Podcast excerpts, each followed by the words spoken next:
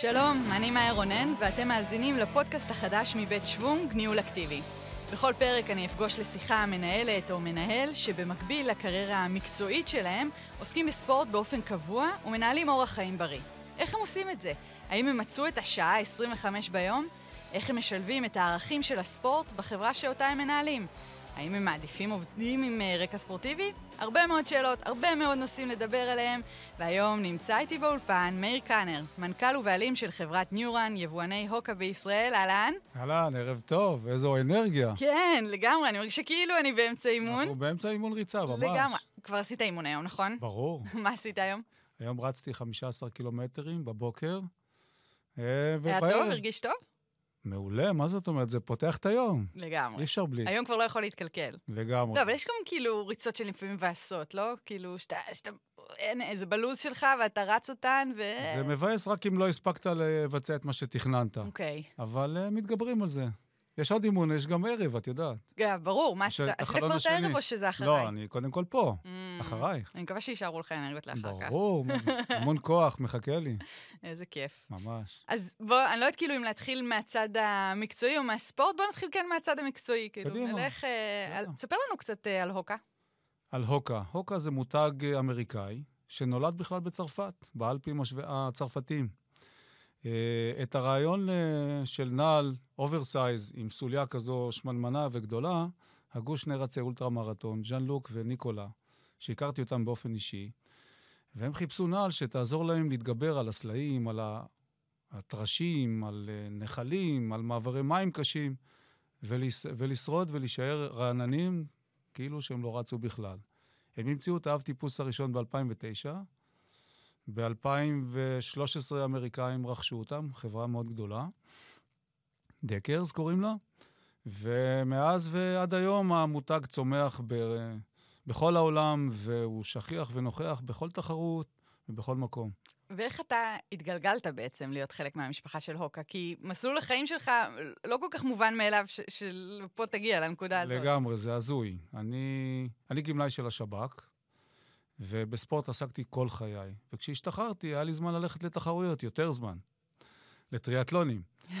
ופגשתי את השותף שלי, שהלך עם נעל מצחיקה, כזה גובה, ארבעה סנטימטרים, סוליה, ושאלתי אותו, מה זה? הוא אומר, אתה תנסה ותבין. ניסיתי, נדלקתי, ואמרתי לו, תשמע, אני חייב לנסות, אה, חייבים לעשות משהו עם הנעל הזו. וכך זה התחיל, מ-44 זוגות נעליים. וואו, שהיו לנו, ומכרנו אותם ואנסל אה, מהבגז של הרכב, אה. בחוף הים. הסתכלתי ימינה לראות שאין פקח, והצעתי את מרכולתי כמו איזה רוכל כזה בשוק הכרמל, וזה הצליח. ומ-44 זה הפך להיות אלף ואלפיים ועשרות אלפים ומאות אלפים, ולשמחתי זה הצליח מאוד. אני רוצה לקחת לך להתחלה שלך בתור ספורטאי, כי אתה, כמו שאמרת, כל החיים שלך עשית ספורט כנער עוד, גם באופן תחרותי. Mm-hmm. תספר לנו קצת על זה. זה בעצם התחיל מהמורה לחינוך גופני, שהוא זה שבעצם ראה וזיהה את הפוטנציאל האתלטי שיש בי. וזה גם מסר כזה, שיש תמיד מישהו שאם הוא מאמין בך, אז זה יכול להצליח מאוד, ולא רק לכמה שנים, אלא לפרק זמן ארוך. אה, אז התחלתי באתלטיקה, בגיל 14 כבר התחרתי בריצות בינוניות, מ-400 ועד 5,000 מטר, והצלחתי לא רע. אה, בש, בזמן הגיוס שלי לצה"ל, שירתי גם בלבנון, מלחמת לבנון הראשונה. הגיע טריאטלון לישראל, טריאטלון, ענף שמשלב שלושה ענפים, שחייה, ריצה ואופניים. ולמרות האבק והשכפ"צים והקסדות, אמרתי, אני עושה את זה, למרות שזה שישי ואין לי זמן יותר מדי. נגעתי ונכוויתי. ומאז 1985, זה נשמע רחוק, נכון? מאוד. מאוד. טריאטלון הראשון בקיבוץ חורשים, אני נדבקתי בחיידק, טמנתי והגדלתי מרחקים, עד שזכיתי גם לזכות באליפות ישראל באיש הברזל בישראמן, שהיום אנחנו כבר בשנה ה-21 שלו, 22, סליחה. והייתי גם בראשון וגם בשני, וזכיתי לנצח בעל שנת 2000, ו... וכל השאר זה כבר היסטוריה, אבל אני ממשיך להתאמן ולעשות חייל בעניין. מה עשה לך את זה בטריאטלון? כאילו, מה, מה המקור של החיידק? מה, מה נגע לך שם בנשמה? קודם כל זה עניין של אופי, זה משלב אמונה, וזה משלב התמדה, וערכים שאתה מקבל גם מהבית ומהמורה שהיה לי. הוא הטמיע בי את הערכים של התמדה, להט והתמדה. את מכירה את זה? גריט קוראים מהמם. לזה באנגלית. אני חושבת שלצערי אין, אין, אין תרגום מספיק מדויק לזה נכון. בעברית. תרגום זה לגריט הזה- נשיקה מבעד למפ... למטפחת. ממש. גריט זה בדיוק המילה. שאין לה... אז אה, אני יודע שאת באה מתחום אומנויות הלחימה, כן, מה שהייתי ודני ילדה. סנובר, שהוא מהמם. אחד האייקונים בתחום, הוא אומר באפריקן ספיריט. כן, ספיריט, זה תמיד. שיוצא לו גם רוק כזה מה- נכון, מהתשוקה, נכון. ספיריט, עם הריישה המתגלגלת. אז זה משהו שאתה לומד אותו, אתה מקבל אותו, אתה יונק אותו מהמאמן, מהדמות שהיא מודל לחיקוי עבורך, וזה מלווה אותך. זה הופך להיות חלק ממי שאתה, מה-DNA שלך. מהמם. זהו, ככה, ככה היה לי את הלהט הזה ואת ההתמדה לה, להמשיך ולעשות. אבל זה לא מובן מאליו, כי כמו שאמרת, הייתה לך קריירה בשב"כ, נכון. ואני מניחה שזה שעות לא שעות, ו- ושינה, ו... ימים לא ימים, חיים, ימים לא ימים, זה, זה. אורח חיים לא פשוט, זה לא עבודה 9 to 5. מורכב מאוד. ואני לא מצליחה להבין, באמת, איך הצלחת לשלב אימונים של טריאטלון. מילא אימון להיות בכושר, על הכיפאק, אבל להיות ברמה גם התחרותית כמו שהיית. נכון. אז בתחילת הדברים אמרת שיש 25 שעות ביממה, אז אני כן. אחדש לך, יש 32. טוב לדעת. אז קודם כל. אמ, החוכמה היא בניהול זמן. ולשאול את עצמך מה חשוב לך באמת. הספורט עבורי הוא לא רק אה, להגיע לאיזה ביצוע, לאיזה הישג מסוים, או להיראות באופן כזה או אחר. יש לו משמעות הרבה יותר עמוקה, ולא רק לי, לרבים אחרים. המטרה נותנת משמעות לחיים, זה פתגם שאני מאוד אוהב אותו. וכשאתה מציב לעצמך מטרות ויעדים, אם זה בתחום הספורט וגם בעסקים, מהמם. שבהמשך נדבר עליהם, אז אתה מקבל בעצם מין משמעות, מי אני ואיך אני ולמה אני. לא רק ישראלי, אה, יהודי או ערבי או בעל לאום כזה ואחר. אתה בעצם מקבל זהות ומשמעות נוספים. זה מה שזה עושה, לי לפחות. איזה משמעות זה נתן לך, אם אתה יכול יותר לפרוט לי את זה לפרטים. בהחלט. קודם כל, דוגמה אישית לסובבים אותי. אני מאוד אוהב אנשים, אני אוהב להתחכך איתם ולגוע בהם איפה שמותר. כן. ו- ו- ולהרצות בפניהם ולדבר ולהשפיע, וגם ללמוד מאחרים. אנחנו יצור חברתי. והספורט בעצם מאפשר, זה קשר אפילו בלתי אמצעי, הוא יוצר תקשורת בין אנשים. אני גם מאמן, אני אימנתי אלפי אנשים בחיי, גם בשב"כ, אה, אימנתי לוחמים. מהמם. אה, הכשרה פיזית קשה מאוד, מורכבת מאוד, מנטלית, פיזית מאוד, וגם אה, באזרחות, אחרי שפרשתי, אימנתי רצים וטריאטלטים, והסיפוק והאינטראקציה והקשר שנוצר בין האנשים הוא לכל החיים. זה ממש אה, החתמה, ממש כך. אם, אם אפשר ל- לחדור לתוך העניין הזה של הקשר, ודווקא בתור מאמן, כי לפעמים יש גבול דק, לצורך העניין, בין דיסטנס שאתה רוצה לשמור עם המתאמן שלך, בטח כשמדובר נגיד בלוחמים שלך, אבל גם אפילו, אתה יודע, בקבוצות חובבים, לפעמים אתה רוצה לשמור את הדיסטנס הזה דווקא כדי ש- להוציא את המיטב מהמתאמן נכון. שלך. מצד שני, אתה רוצה כן ללטף מתי שצריך, ולא אגיד לתת סטירה, אבל לתת סטירה כשצריך. ואני לא יודעת איך מוצאים את האיזון הדק הזה של להיות מאמן טוב ומורה טוב. ואני אקח את זה גם לעולם שלי של הרפואה, שזה עולם של מקצוע מאוד שולייתי. ואגב, יחסים ובני אדם, כמו שאמרת. ויש כאלה שהם יותר באמת בצד הכועס וזה, ושחושבים שככה הם ילמדו, ויש כאלה שהם בצד היותר מלטף. מה אתה, איפה אתה על המנעד הזה? אני משלב את השניים, וזה תלוי במטרות של המתאמן. אוקיי. אני, איך אומרים, סליחה על הביטוי, mother fucker, כן, קשוח, חבל על הזמן. כן. אבל זה כשאתה מאמן לוחמים בשב"כ, להביא אותם לקצה, לגבול קצה גבול היכולת, ושם אני רוצה לראות אותם מקבלים החלטות. אבל אתה גם לא רוצה לשבור אותם. אבל כשאני באזרחות, וזה שונה, אוקיי. כשאני נמצא עם מתאמנים ומתאמנות שבעוד שעתיים יסיימו את האימון וילכו למקום. העבודה. מהמם. כאן הדברים הם קצת שונים, בעלי אופי שונה. בעצם כשאתה מאמן בחוץ, אתה הופך להיות ספר, למרות הרמה הגדולה שאת רואה שיש לי, שאין לי. מספרים לך הכל, ספר במובן שגם מספרים לו וגם הכל. כן. אתה, אז, אז אני חושב שזה חשוב, להיות אוזן קשבת, כי הם רואים בך לא רק דמות שאומרת להם לרוץ 100 כפול, אה, 400 כפול 20 פעמים, אלא הם רואים בך גם מעבר לכך. מנטור, מאמן, מוביל, משפיע, אתה משפיע על החיים שלהם. אתה אדם שמשפיע על איך שהם מתנהגים בחלק מהיום, על מה שהם עושים, ועל גם איך שהם נראים, וגם על היחסים בבית, או עם הילדים, עם המשפחה, עם בני, בני זוג. אז כשאתה מבין את זה כמאמן, אז הקשיחות היא קצת אחרת. זאת אומרת, באימונים אני לא מוותר להם כהוא זה. אני, אני הייתי עושה מערבים. מתחבא בשיחים, הם עושים סיבוב, אני מפתיע אותם, ורץ איתם. הורדת קצב, מה קרה? מה, היי, הכל טוב? כן.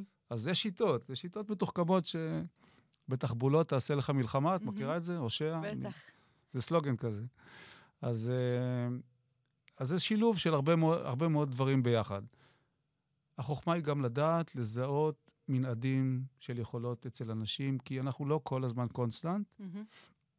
לפעמים אנשים נמצאים במצוקה. מאמן חכם או מתאמן חכם יודע גם להוריד קצב, להוריד הילוך. נולד לך ילד בשעה טובה, אתה מתחתן, תפקיד חדש, יש חפיפה. הלו, בוא, תוריד טיפה הילוך, אחר כך תמשיך.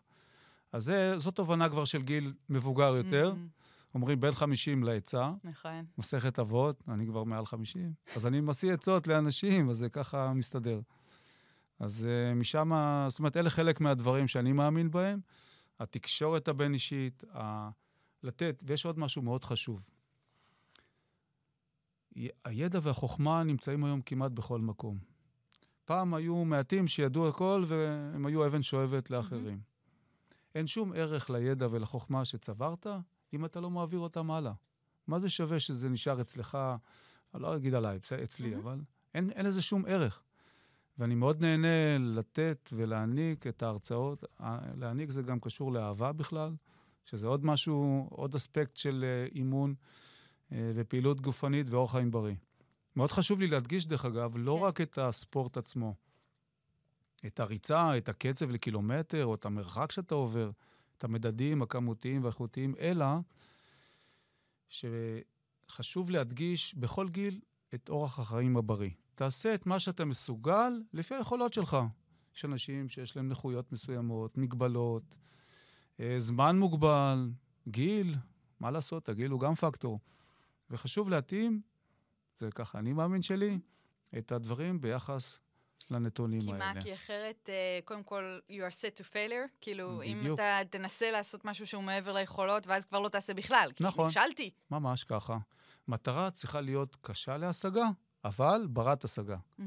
אם נציב מטרות קלות, ללכת מפה לחדר הסמוך, זה לא מטרה. כן. אבל אם נציב משהו, לעשות שיא עולם, כנראה שגם לא נצליח. ולכן צריך לדעת למצוא את האמת איפשהו באמצע.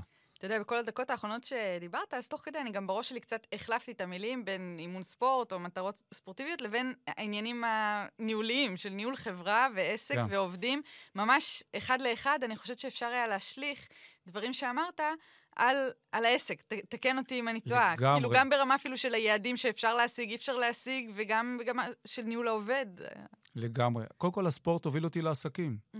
אני מהשב"כ, מנהל חברה שצומחת עם אה, כל כך הרבה סניפים וכדומה.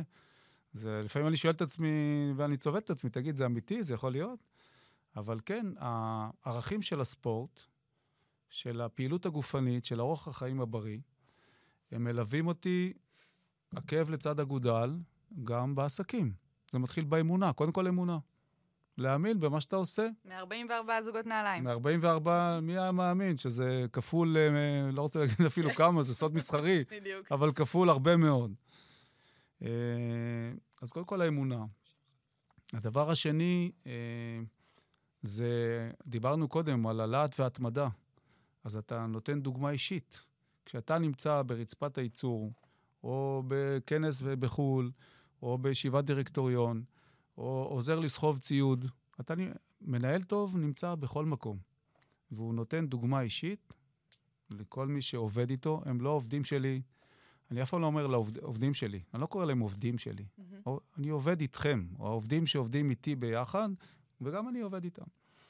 אז זה נותן להם תחושה של ביחד, של uh, גיבוש, אה, זה דבר שאני מאוד מקדש אה, ומחשיב. הדבר השלישי, זה מצחיק, כי סבלנות וסבולת. בעצם השורש של שתי המילים האלה זה סבל, זה לסבול. Mm-hmm. והספורט הזה שאני עוסק בו לפחות, זה הרבה לסבול. גם קרבות זה, את יודעת, לואו קיק... ש- שיש בזה גם עונג. נכון, בוא, בוא נודה גם על האמת. כן? בטח, okay. אוקיי. לסיים אימון קרוספיט כזה, שאתה מת. מדדליפטים של אה, 150 יש משהו קילו. בכאב הזה. ברור. כן. או לרוץ בלי סוף. וכשאנחנו עובדים כל כך קשה, לפעמים שעות ארוכות, זה סוג של אה, קצת לסבול. לא להיות בבית, מהמם. הרבה שעות, להתאפק, לא לאכול לפעמים, ועוד ועוד. אז uh, זה קשור ביחד לעולמות התוכן, לעולמות התוכן האלה. עוד דברים חשובים זה ניצחון והפסד. מי לא מכיר את זה בספורט? עכשיו, הניצחון הוא אישי וההפסד הוא אישי, כמובן, לא מדבר על אולימפיאדה עכשיו. אבל הניצחון שלנו אם הצלחנו לעמוד באיזה יעד שקבענו. אה, בכלל הצלחנו להגיע לתחרות ולהשתתף בה, לסיים אותה, או לשפר שיא אישי. זו הצלחה, זו, זו, הרגשה, זו הרגשה נהדרת. ממכרת. ובימי שישי, כל יום שישי אצלי, בגלל שיש לי כן. 5,000 חברים בפייסבוק, כל יום שישי, מה קורה? יש הרבה תחרויות, יש פיגוע פייסבוק.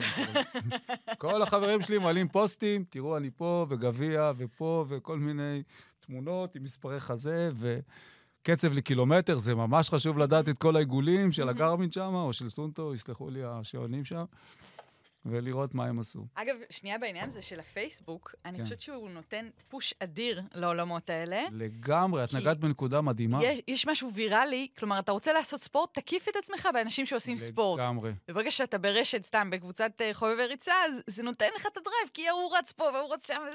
אני ממש מרצה ומדבר על זה, אני מאמין בזה. אני ממרום גילי, אני מאמין בזה בכל מאודי. כי אנחנו ייצור חברתי, כבר אמרתי את זה. אנחנו ביחד, אנחנו קהילה, אנחנו אוהבים לדעת. אז יש את הרצים המתבודדים בערים עם הזקן, כן. הברפוט ראנינג האלה שרצים שם, אבל רובנו הם לא כאלה. וזה נותן הרבה כוח. השיתוף, הח- הרשתות החברתיות, וזה מאוד חשוב. אבל דיברתי קודם על ניצחון, מהמם. יש גם הפסד. לפעמים יש הפסד, זה קשור גם לעסקים, כן? תמיד. אתה מסתכל בסוף על וכשאתה... המאזן. כן? לגמרי. אז אה, אני הייתי באולטרה מרתון הר לעמק לפני שבועיים, גם השתתפתי שם. מזנקים ב-12 בלילה, cut-off 8, cut-off זה לא סיימת להתראות ביי ביי. וכתוב DNF, did not finish. אף אחד לא רוצה שיהיה כתוב לו בליסטה של המסיימים DNF. והיו כאלה שלא סיימו, לא נעים, לא נעים. לא נעים. אני אגב סיימתי פעם עם החבר'ה של ערוץ הספורט, חבורה מדהימה כאילו, וזו חוויה אדירה לסיים, להגיע שם אה, לאירוע סיום. זה חוויה. אה, עשיתם הר לעמק, באמת? כן, בשליחים בש- כאלה, כן. כן, איזה יופי. היה מגניב, בטח, זה כן. מגניב לגמרי. אז צריך אז- לדעת גם להפסיד. מהמם. והפסד גם מתחבר למילה כישלון, שהיא מילה קצת יותר קשה.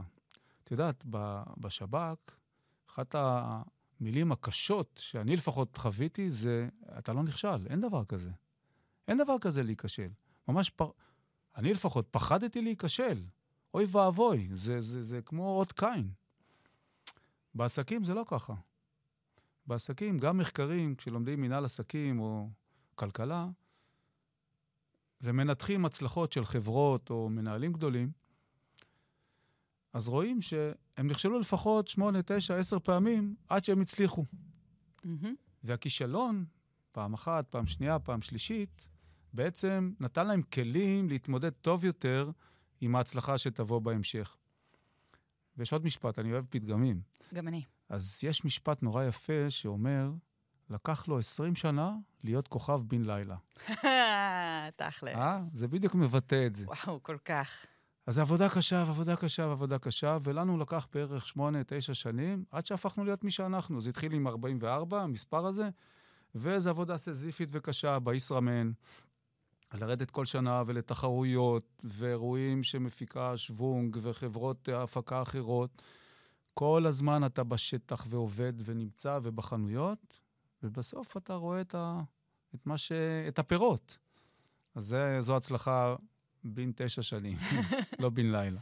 איפה אתה יותר מתוסכל כשאתה מפסיד, בעסקים או בישראמן, נגיד? ברור שבישראל בספורט, מה...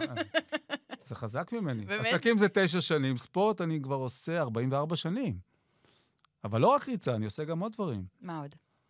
קרוספיט, Mm, משקולות, כוח, מוביליטי, גמישות. אה, אני רץ בלי סוף. ואני, שוב אני אקח את זה מהמקום של הרפואה, כי אני רואה איזה הבדל זה עושה דווקא בגיל המבוגר, ואני לא הולכת עכשיו לדבר על ספורטאים כמוך, על אנשים באמת מהיום-יום, כאילו, נכון. שיעשו מינימום של תנועה. פעם אה, פסיכיאטרית שהייתי אצלה בסבב אמרה לי, אמ, בריאות מתבססת על שלושה, על, כאילו השולחן מתבסס על שלוש רגליים. תזונה, תנועה ושינה. זה בריאות נפש, שלוש הרגליים הללו, ואני תמיד זוכרת את זה. ואנשים, ככל שאתה מתבגר, זה הופך להיות עוד יותר חשוב. לגמרי. אם אני יכול להעביר כאן מסר, אז על שינה ותזונה, יחסית קל לשלוט. כי יש לנו את המקרר, יש לנו את המרכול הסמוך, אנחנו קונים, שולטים בזה בקלות. יותר קשה לצאת לאימון כוח, הרבה יותר קשה. כי אתה צריך את המקום, כן. אתה צריך הדרכה והבנה, ואתה צריך גם לבצע. עכשיו, הביצוע הוא לא קל, להרים משקל שהוא משקל גופך או התנגדות, נקרא אימוני התנגדות. אני, אם אני יכול להעביר כאן מסר על גבי, אה, ברמקול ובפודקאסט הנפלא הזה, אז אני ממש קורא למי שמאזין ושומע אותנו, גם בגילאי 30 וגילאי 40, לעשות ולבצע אימוני התנגדות, אימוני כוח. זה כל כך חשוב. אה, זה כל כך אה, תורם. אתם תהיו רצים טובים יותר, תוכלו לבצע מיומנויות גופניות טוב יותר, כאלה שאתם גם לא הייתם יכולים עד היום. למשל, מי שרץ ריצות אולטרה ומטפס על הרים, אימוני כוח משפרים מאוד את היכולת. טריאטלט, אתה שוחה במים, ארבעה קילומטר באיירון מן. אתה צריך להפעיל את חגורת הכתפיים ואת הפלג העליון הרבה מאוד שעות, או שעה, בוא נראה, אבל הרבה זמן. והכוח, ללא ספק, הוא תורם מאוד. גם ללוק שלנו. אנחנו נמצאים היום ב... Mm-hmm. ברשתות חברתיות, יש לנו כל מיני לינקדין ואינסטגרם, פייסבוק. ומרגישים טוב יותר. צריך להיראות טוב. וזה כוח לא רק אה, פיזי, אלא גם כוח נפשי, ואני חושבת שהספורט מאוד עוזר לנו גם להתגבר על משברים. נכון. ואצלך במיוחד, סיפור או, אה, האישי שלך. שם אבכה עוד מעט, אתה יודע. אם אתה מוכן לחלוק כן, איתנו. כן, כן, בוודאי, אני מדבר על זה כל הזמן. אם אני קצת... אה, אז אני מתנצל מראש. ב-26 לאוגוסט 1998, הבן שלי נהרג בתאונת דרכים, הייתה אשתי נהגה, לשעבר אשתי, נהגה ברכב, ומשאית פגעה בה מאחור, והוא נפגע בראשו. אחרי יממה מורטת עצבים, הרופאים קבעו לו מוות מוחי, ולא רציתי, לא רצינו לנתק אותו. אמרנו אולי, אולי ואולי. זה שעת המשבר הכי גדולה שאני יכול, שאדם יכול לשער בנפשו ובראשו. וניסיתי להגיע, נשענתי על, על כל, איך אומרים, משענת קנה רצוץ, או מוץ במים, אתה מנסה לתפוס כל שביב של תקווה ולנסות ולראות, אולי הם טועים, אולי זה לא ואולי כן. והלכתי רק למי שרק אפשר, לרבנים הכי גדולים ולרופאים הכי יודעים, והבנתי שזה, הבנו שזה סופי. ואז מתקבלת ההחלטה לנתק מכשירים. זה קשה מאוד. וההחלטה הקשה יותר ממנה זה לתרום את איבריו. אני מפתיע את עצמי שאני לא עם דמעות אפילו. והדבר שעזר לי, או שני הדברים שעזרו לי יותר מכל להתגבר על המשבר הקשה, הנורא הזה, זה החברים שעטפו אותי, דיברתי על הקהילה ועל הנתינה, והספורט. אז אני יכול לספר לכם פה, וחלק מהחברים שלי יודעים, זה איך ניצחתי את הישראמן בשנת 2000. הרי הייתי תמיד טוב, סליחה שאני אומר את זה, אבל להצטיין ממש ולנצח כזה דבר, וואלה, לא, לא בטוח שזה... אם אתה עובד בשב"כ, אין לך זמן, ומשפחה, וילדים. אבל האמונה והרצון לעשות את זה עבורו, ולנצח את עצמך, דיברתי על ניצחון קודם. אז בעצם uh, הספורט הוא זה שהדברים שעשיתי, ההכשרה שקיבלתי, המכות שחטפתי והחטפתי, וכל הקשיחות הזו שהגוף סופג, הם גם היו מנטליים, לא רק פיזיים. הפיזיקה זה פשוט. באמת, המטאפיזיקה היא יותר חשובה. והספורט בעצם נותן כלים להתמודד uh, עם קשיי החיים, לגמרי. אבל אני לא, רק, אני לא לבד כאן, אני לא מאחל לאף אחד שיאבד ילדים, אבל ללא ספק, ואני האמנתי, אמרתי לך, מאות ואלפים, וללא יוצא מן הכלל, אני, אני מכיר הרבה מאוד מקרים של אנשים שהתמודדו באופן הירואי, באופן יוצא דופן, באופן נהדר ומדהים עם קשיי החיים ועם משברים אישיים בזכות הספורט. אז uh, לחיי הספורט. לחיי הספורט. אנחנו ממש מתקרבים uh, לסיום. קודם כל, תודה ששיתפת אותנו בזה. אני רוצה לשאול אותך מה היעד הבא, בעסקים או בספורט? אז היעד, בס... נתחיל עם תחום הספורט. יאללה. אלמלא חתכתי את כף ידי פה עם סכין, לפני כמה חודש, עם תפרים. אני מתאמן עכשיו ליד של אה, ביצוע 600 עליות מתח בשעה. קול. נחמד, לא? כן, למה דווקא? כי אני אוהב כוח, אני אוהב uh, body weight, זה משקל הגוף, mm-hmm. התנג... אימוני התנגדות, ותמיד אהבתי לעלות עליות מתח, והרבה. ומצפייה ביוטיוב, ראיתי איזה בחור, קצת יותר צעיר ממני, באיזה חמש-שבע שנים, שהוא מבצע משהו כמו 300 בשעה. אמרתי, מה זה 300? אנחנו נראה לו מה זה, אנחנו נעשה 600. אז בטסטים זה עובד יפה. עשיתי 250 ב-21 דקות. וואו. אז זה בכיוון הטוב, ועתידים מזה. אז זה, זה יעד זה, אחד. זה רצוף? אני לא, לא, לא, לא, לא, זה לא רצוף. החוכמה היא לדעת לנהל. אני מנהל. אוקיי. אז חשוב לנהל ולתזמן ולדייק, אני מאוד מדויק בדברים האלה. זה לבצע 10, לרדת, לנוח 10-15 שניות, עוד פעם לעלות 10, 10 עליות מתח, pull-ups, שוב פעם לנוח וכדומה וכדומה. בתחום העסקים, אז uh, פתחנו עכשיו חנות חדשה, ויש לנו תכנון לפתוח עוד אחת, וגם uh, להביא ארצה מותג חדש ומוביל, אבל לא כאן. זה לפודקאסט הבא? זה, לפודקאסט הבא. נשמח שתזמינו. רמז, משהו? Uh, לא, לא, לא. לא. שב"כ, נו, את לא יודעת. לא מגלים. וואי, היה מרתק. הייתי יכולה לדבר איתך עוד, אבל כאן אין לנו 25 שעות של הפודקאסט. 32 יש ביממה, אני מזכירה. בדיוק. אז אה, זה גם לפודקאסט הבא, ננסה להבין איך.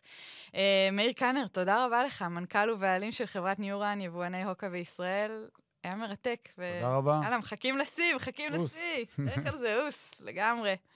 עד כאן הפרק הראשון של ניהול אקטיבי מבית שוונג. אתם מוזמנים להקשיב לעוד פודקאסטים שלנו בנושא תזונה, תוכניות אימונים, ריצה, שחייה ועוד ועוד. אנחנו בספוטיפיי, בגוגל פודקאסט ואפל, וכמובן, כמובן, באתר שוונג. כנסו לכושר.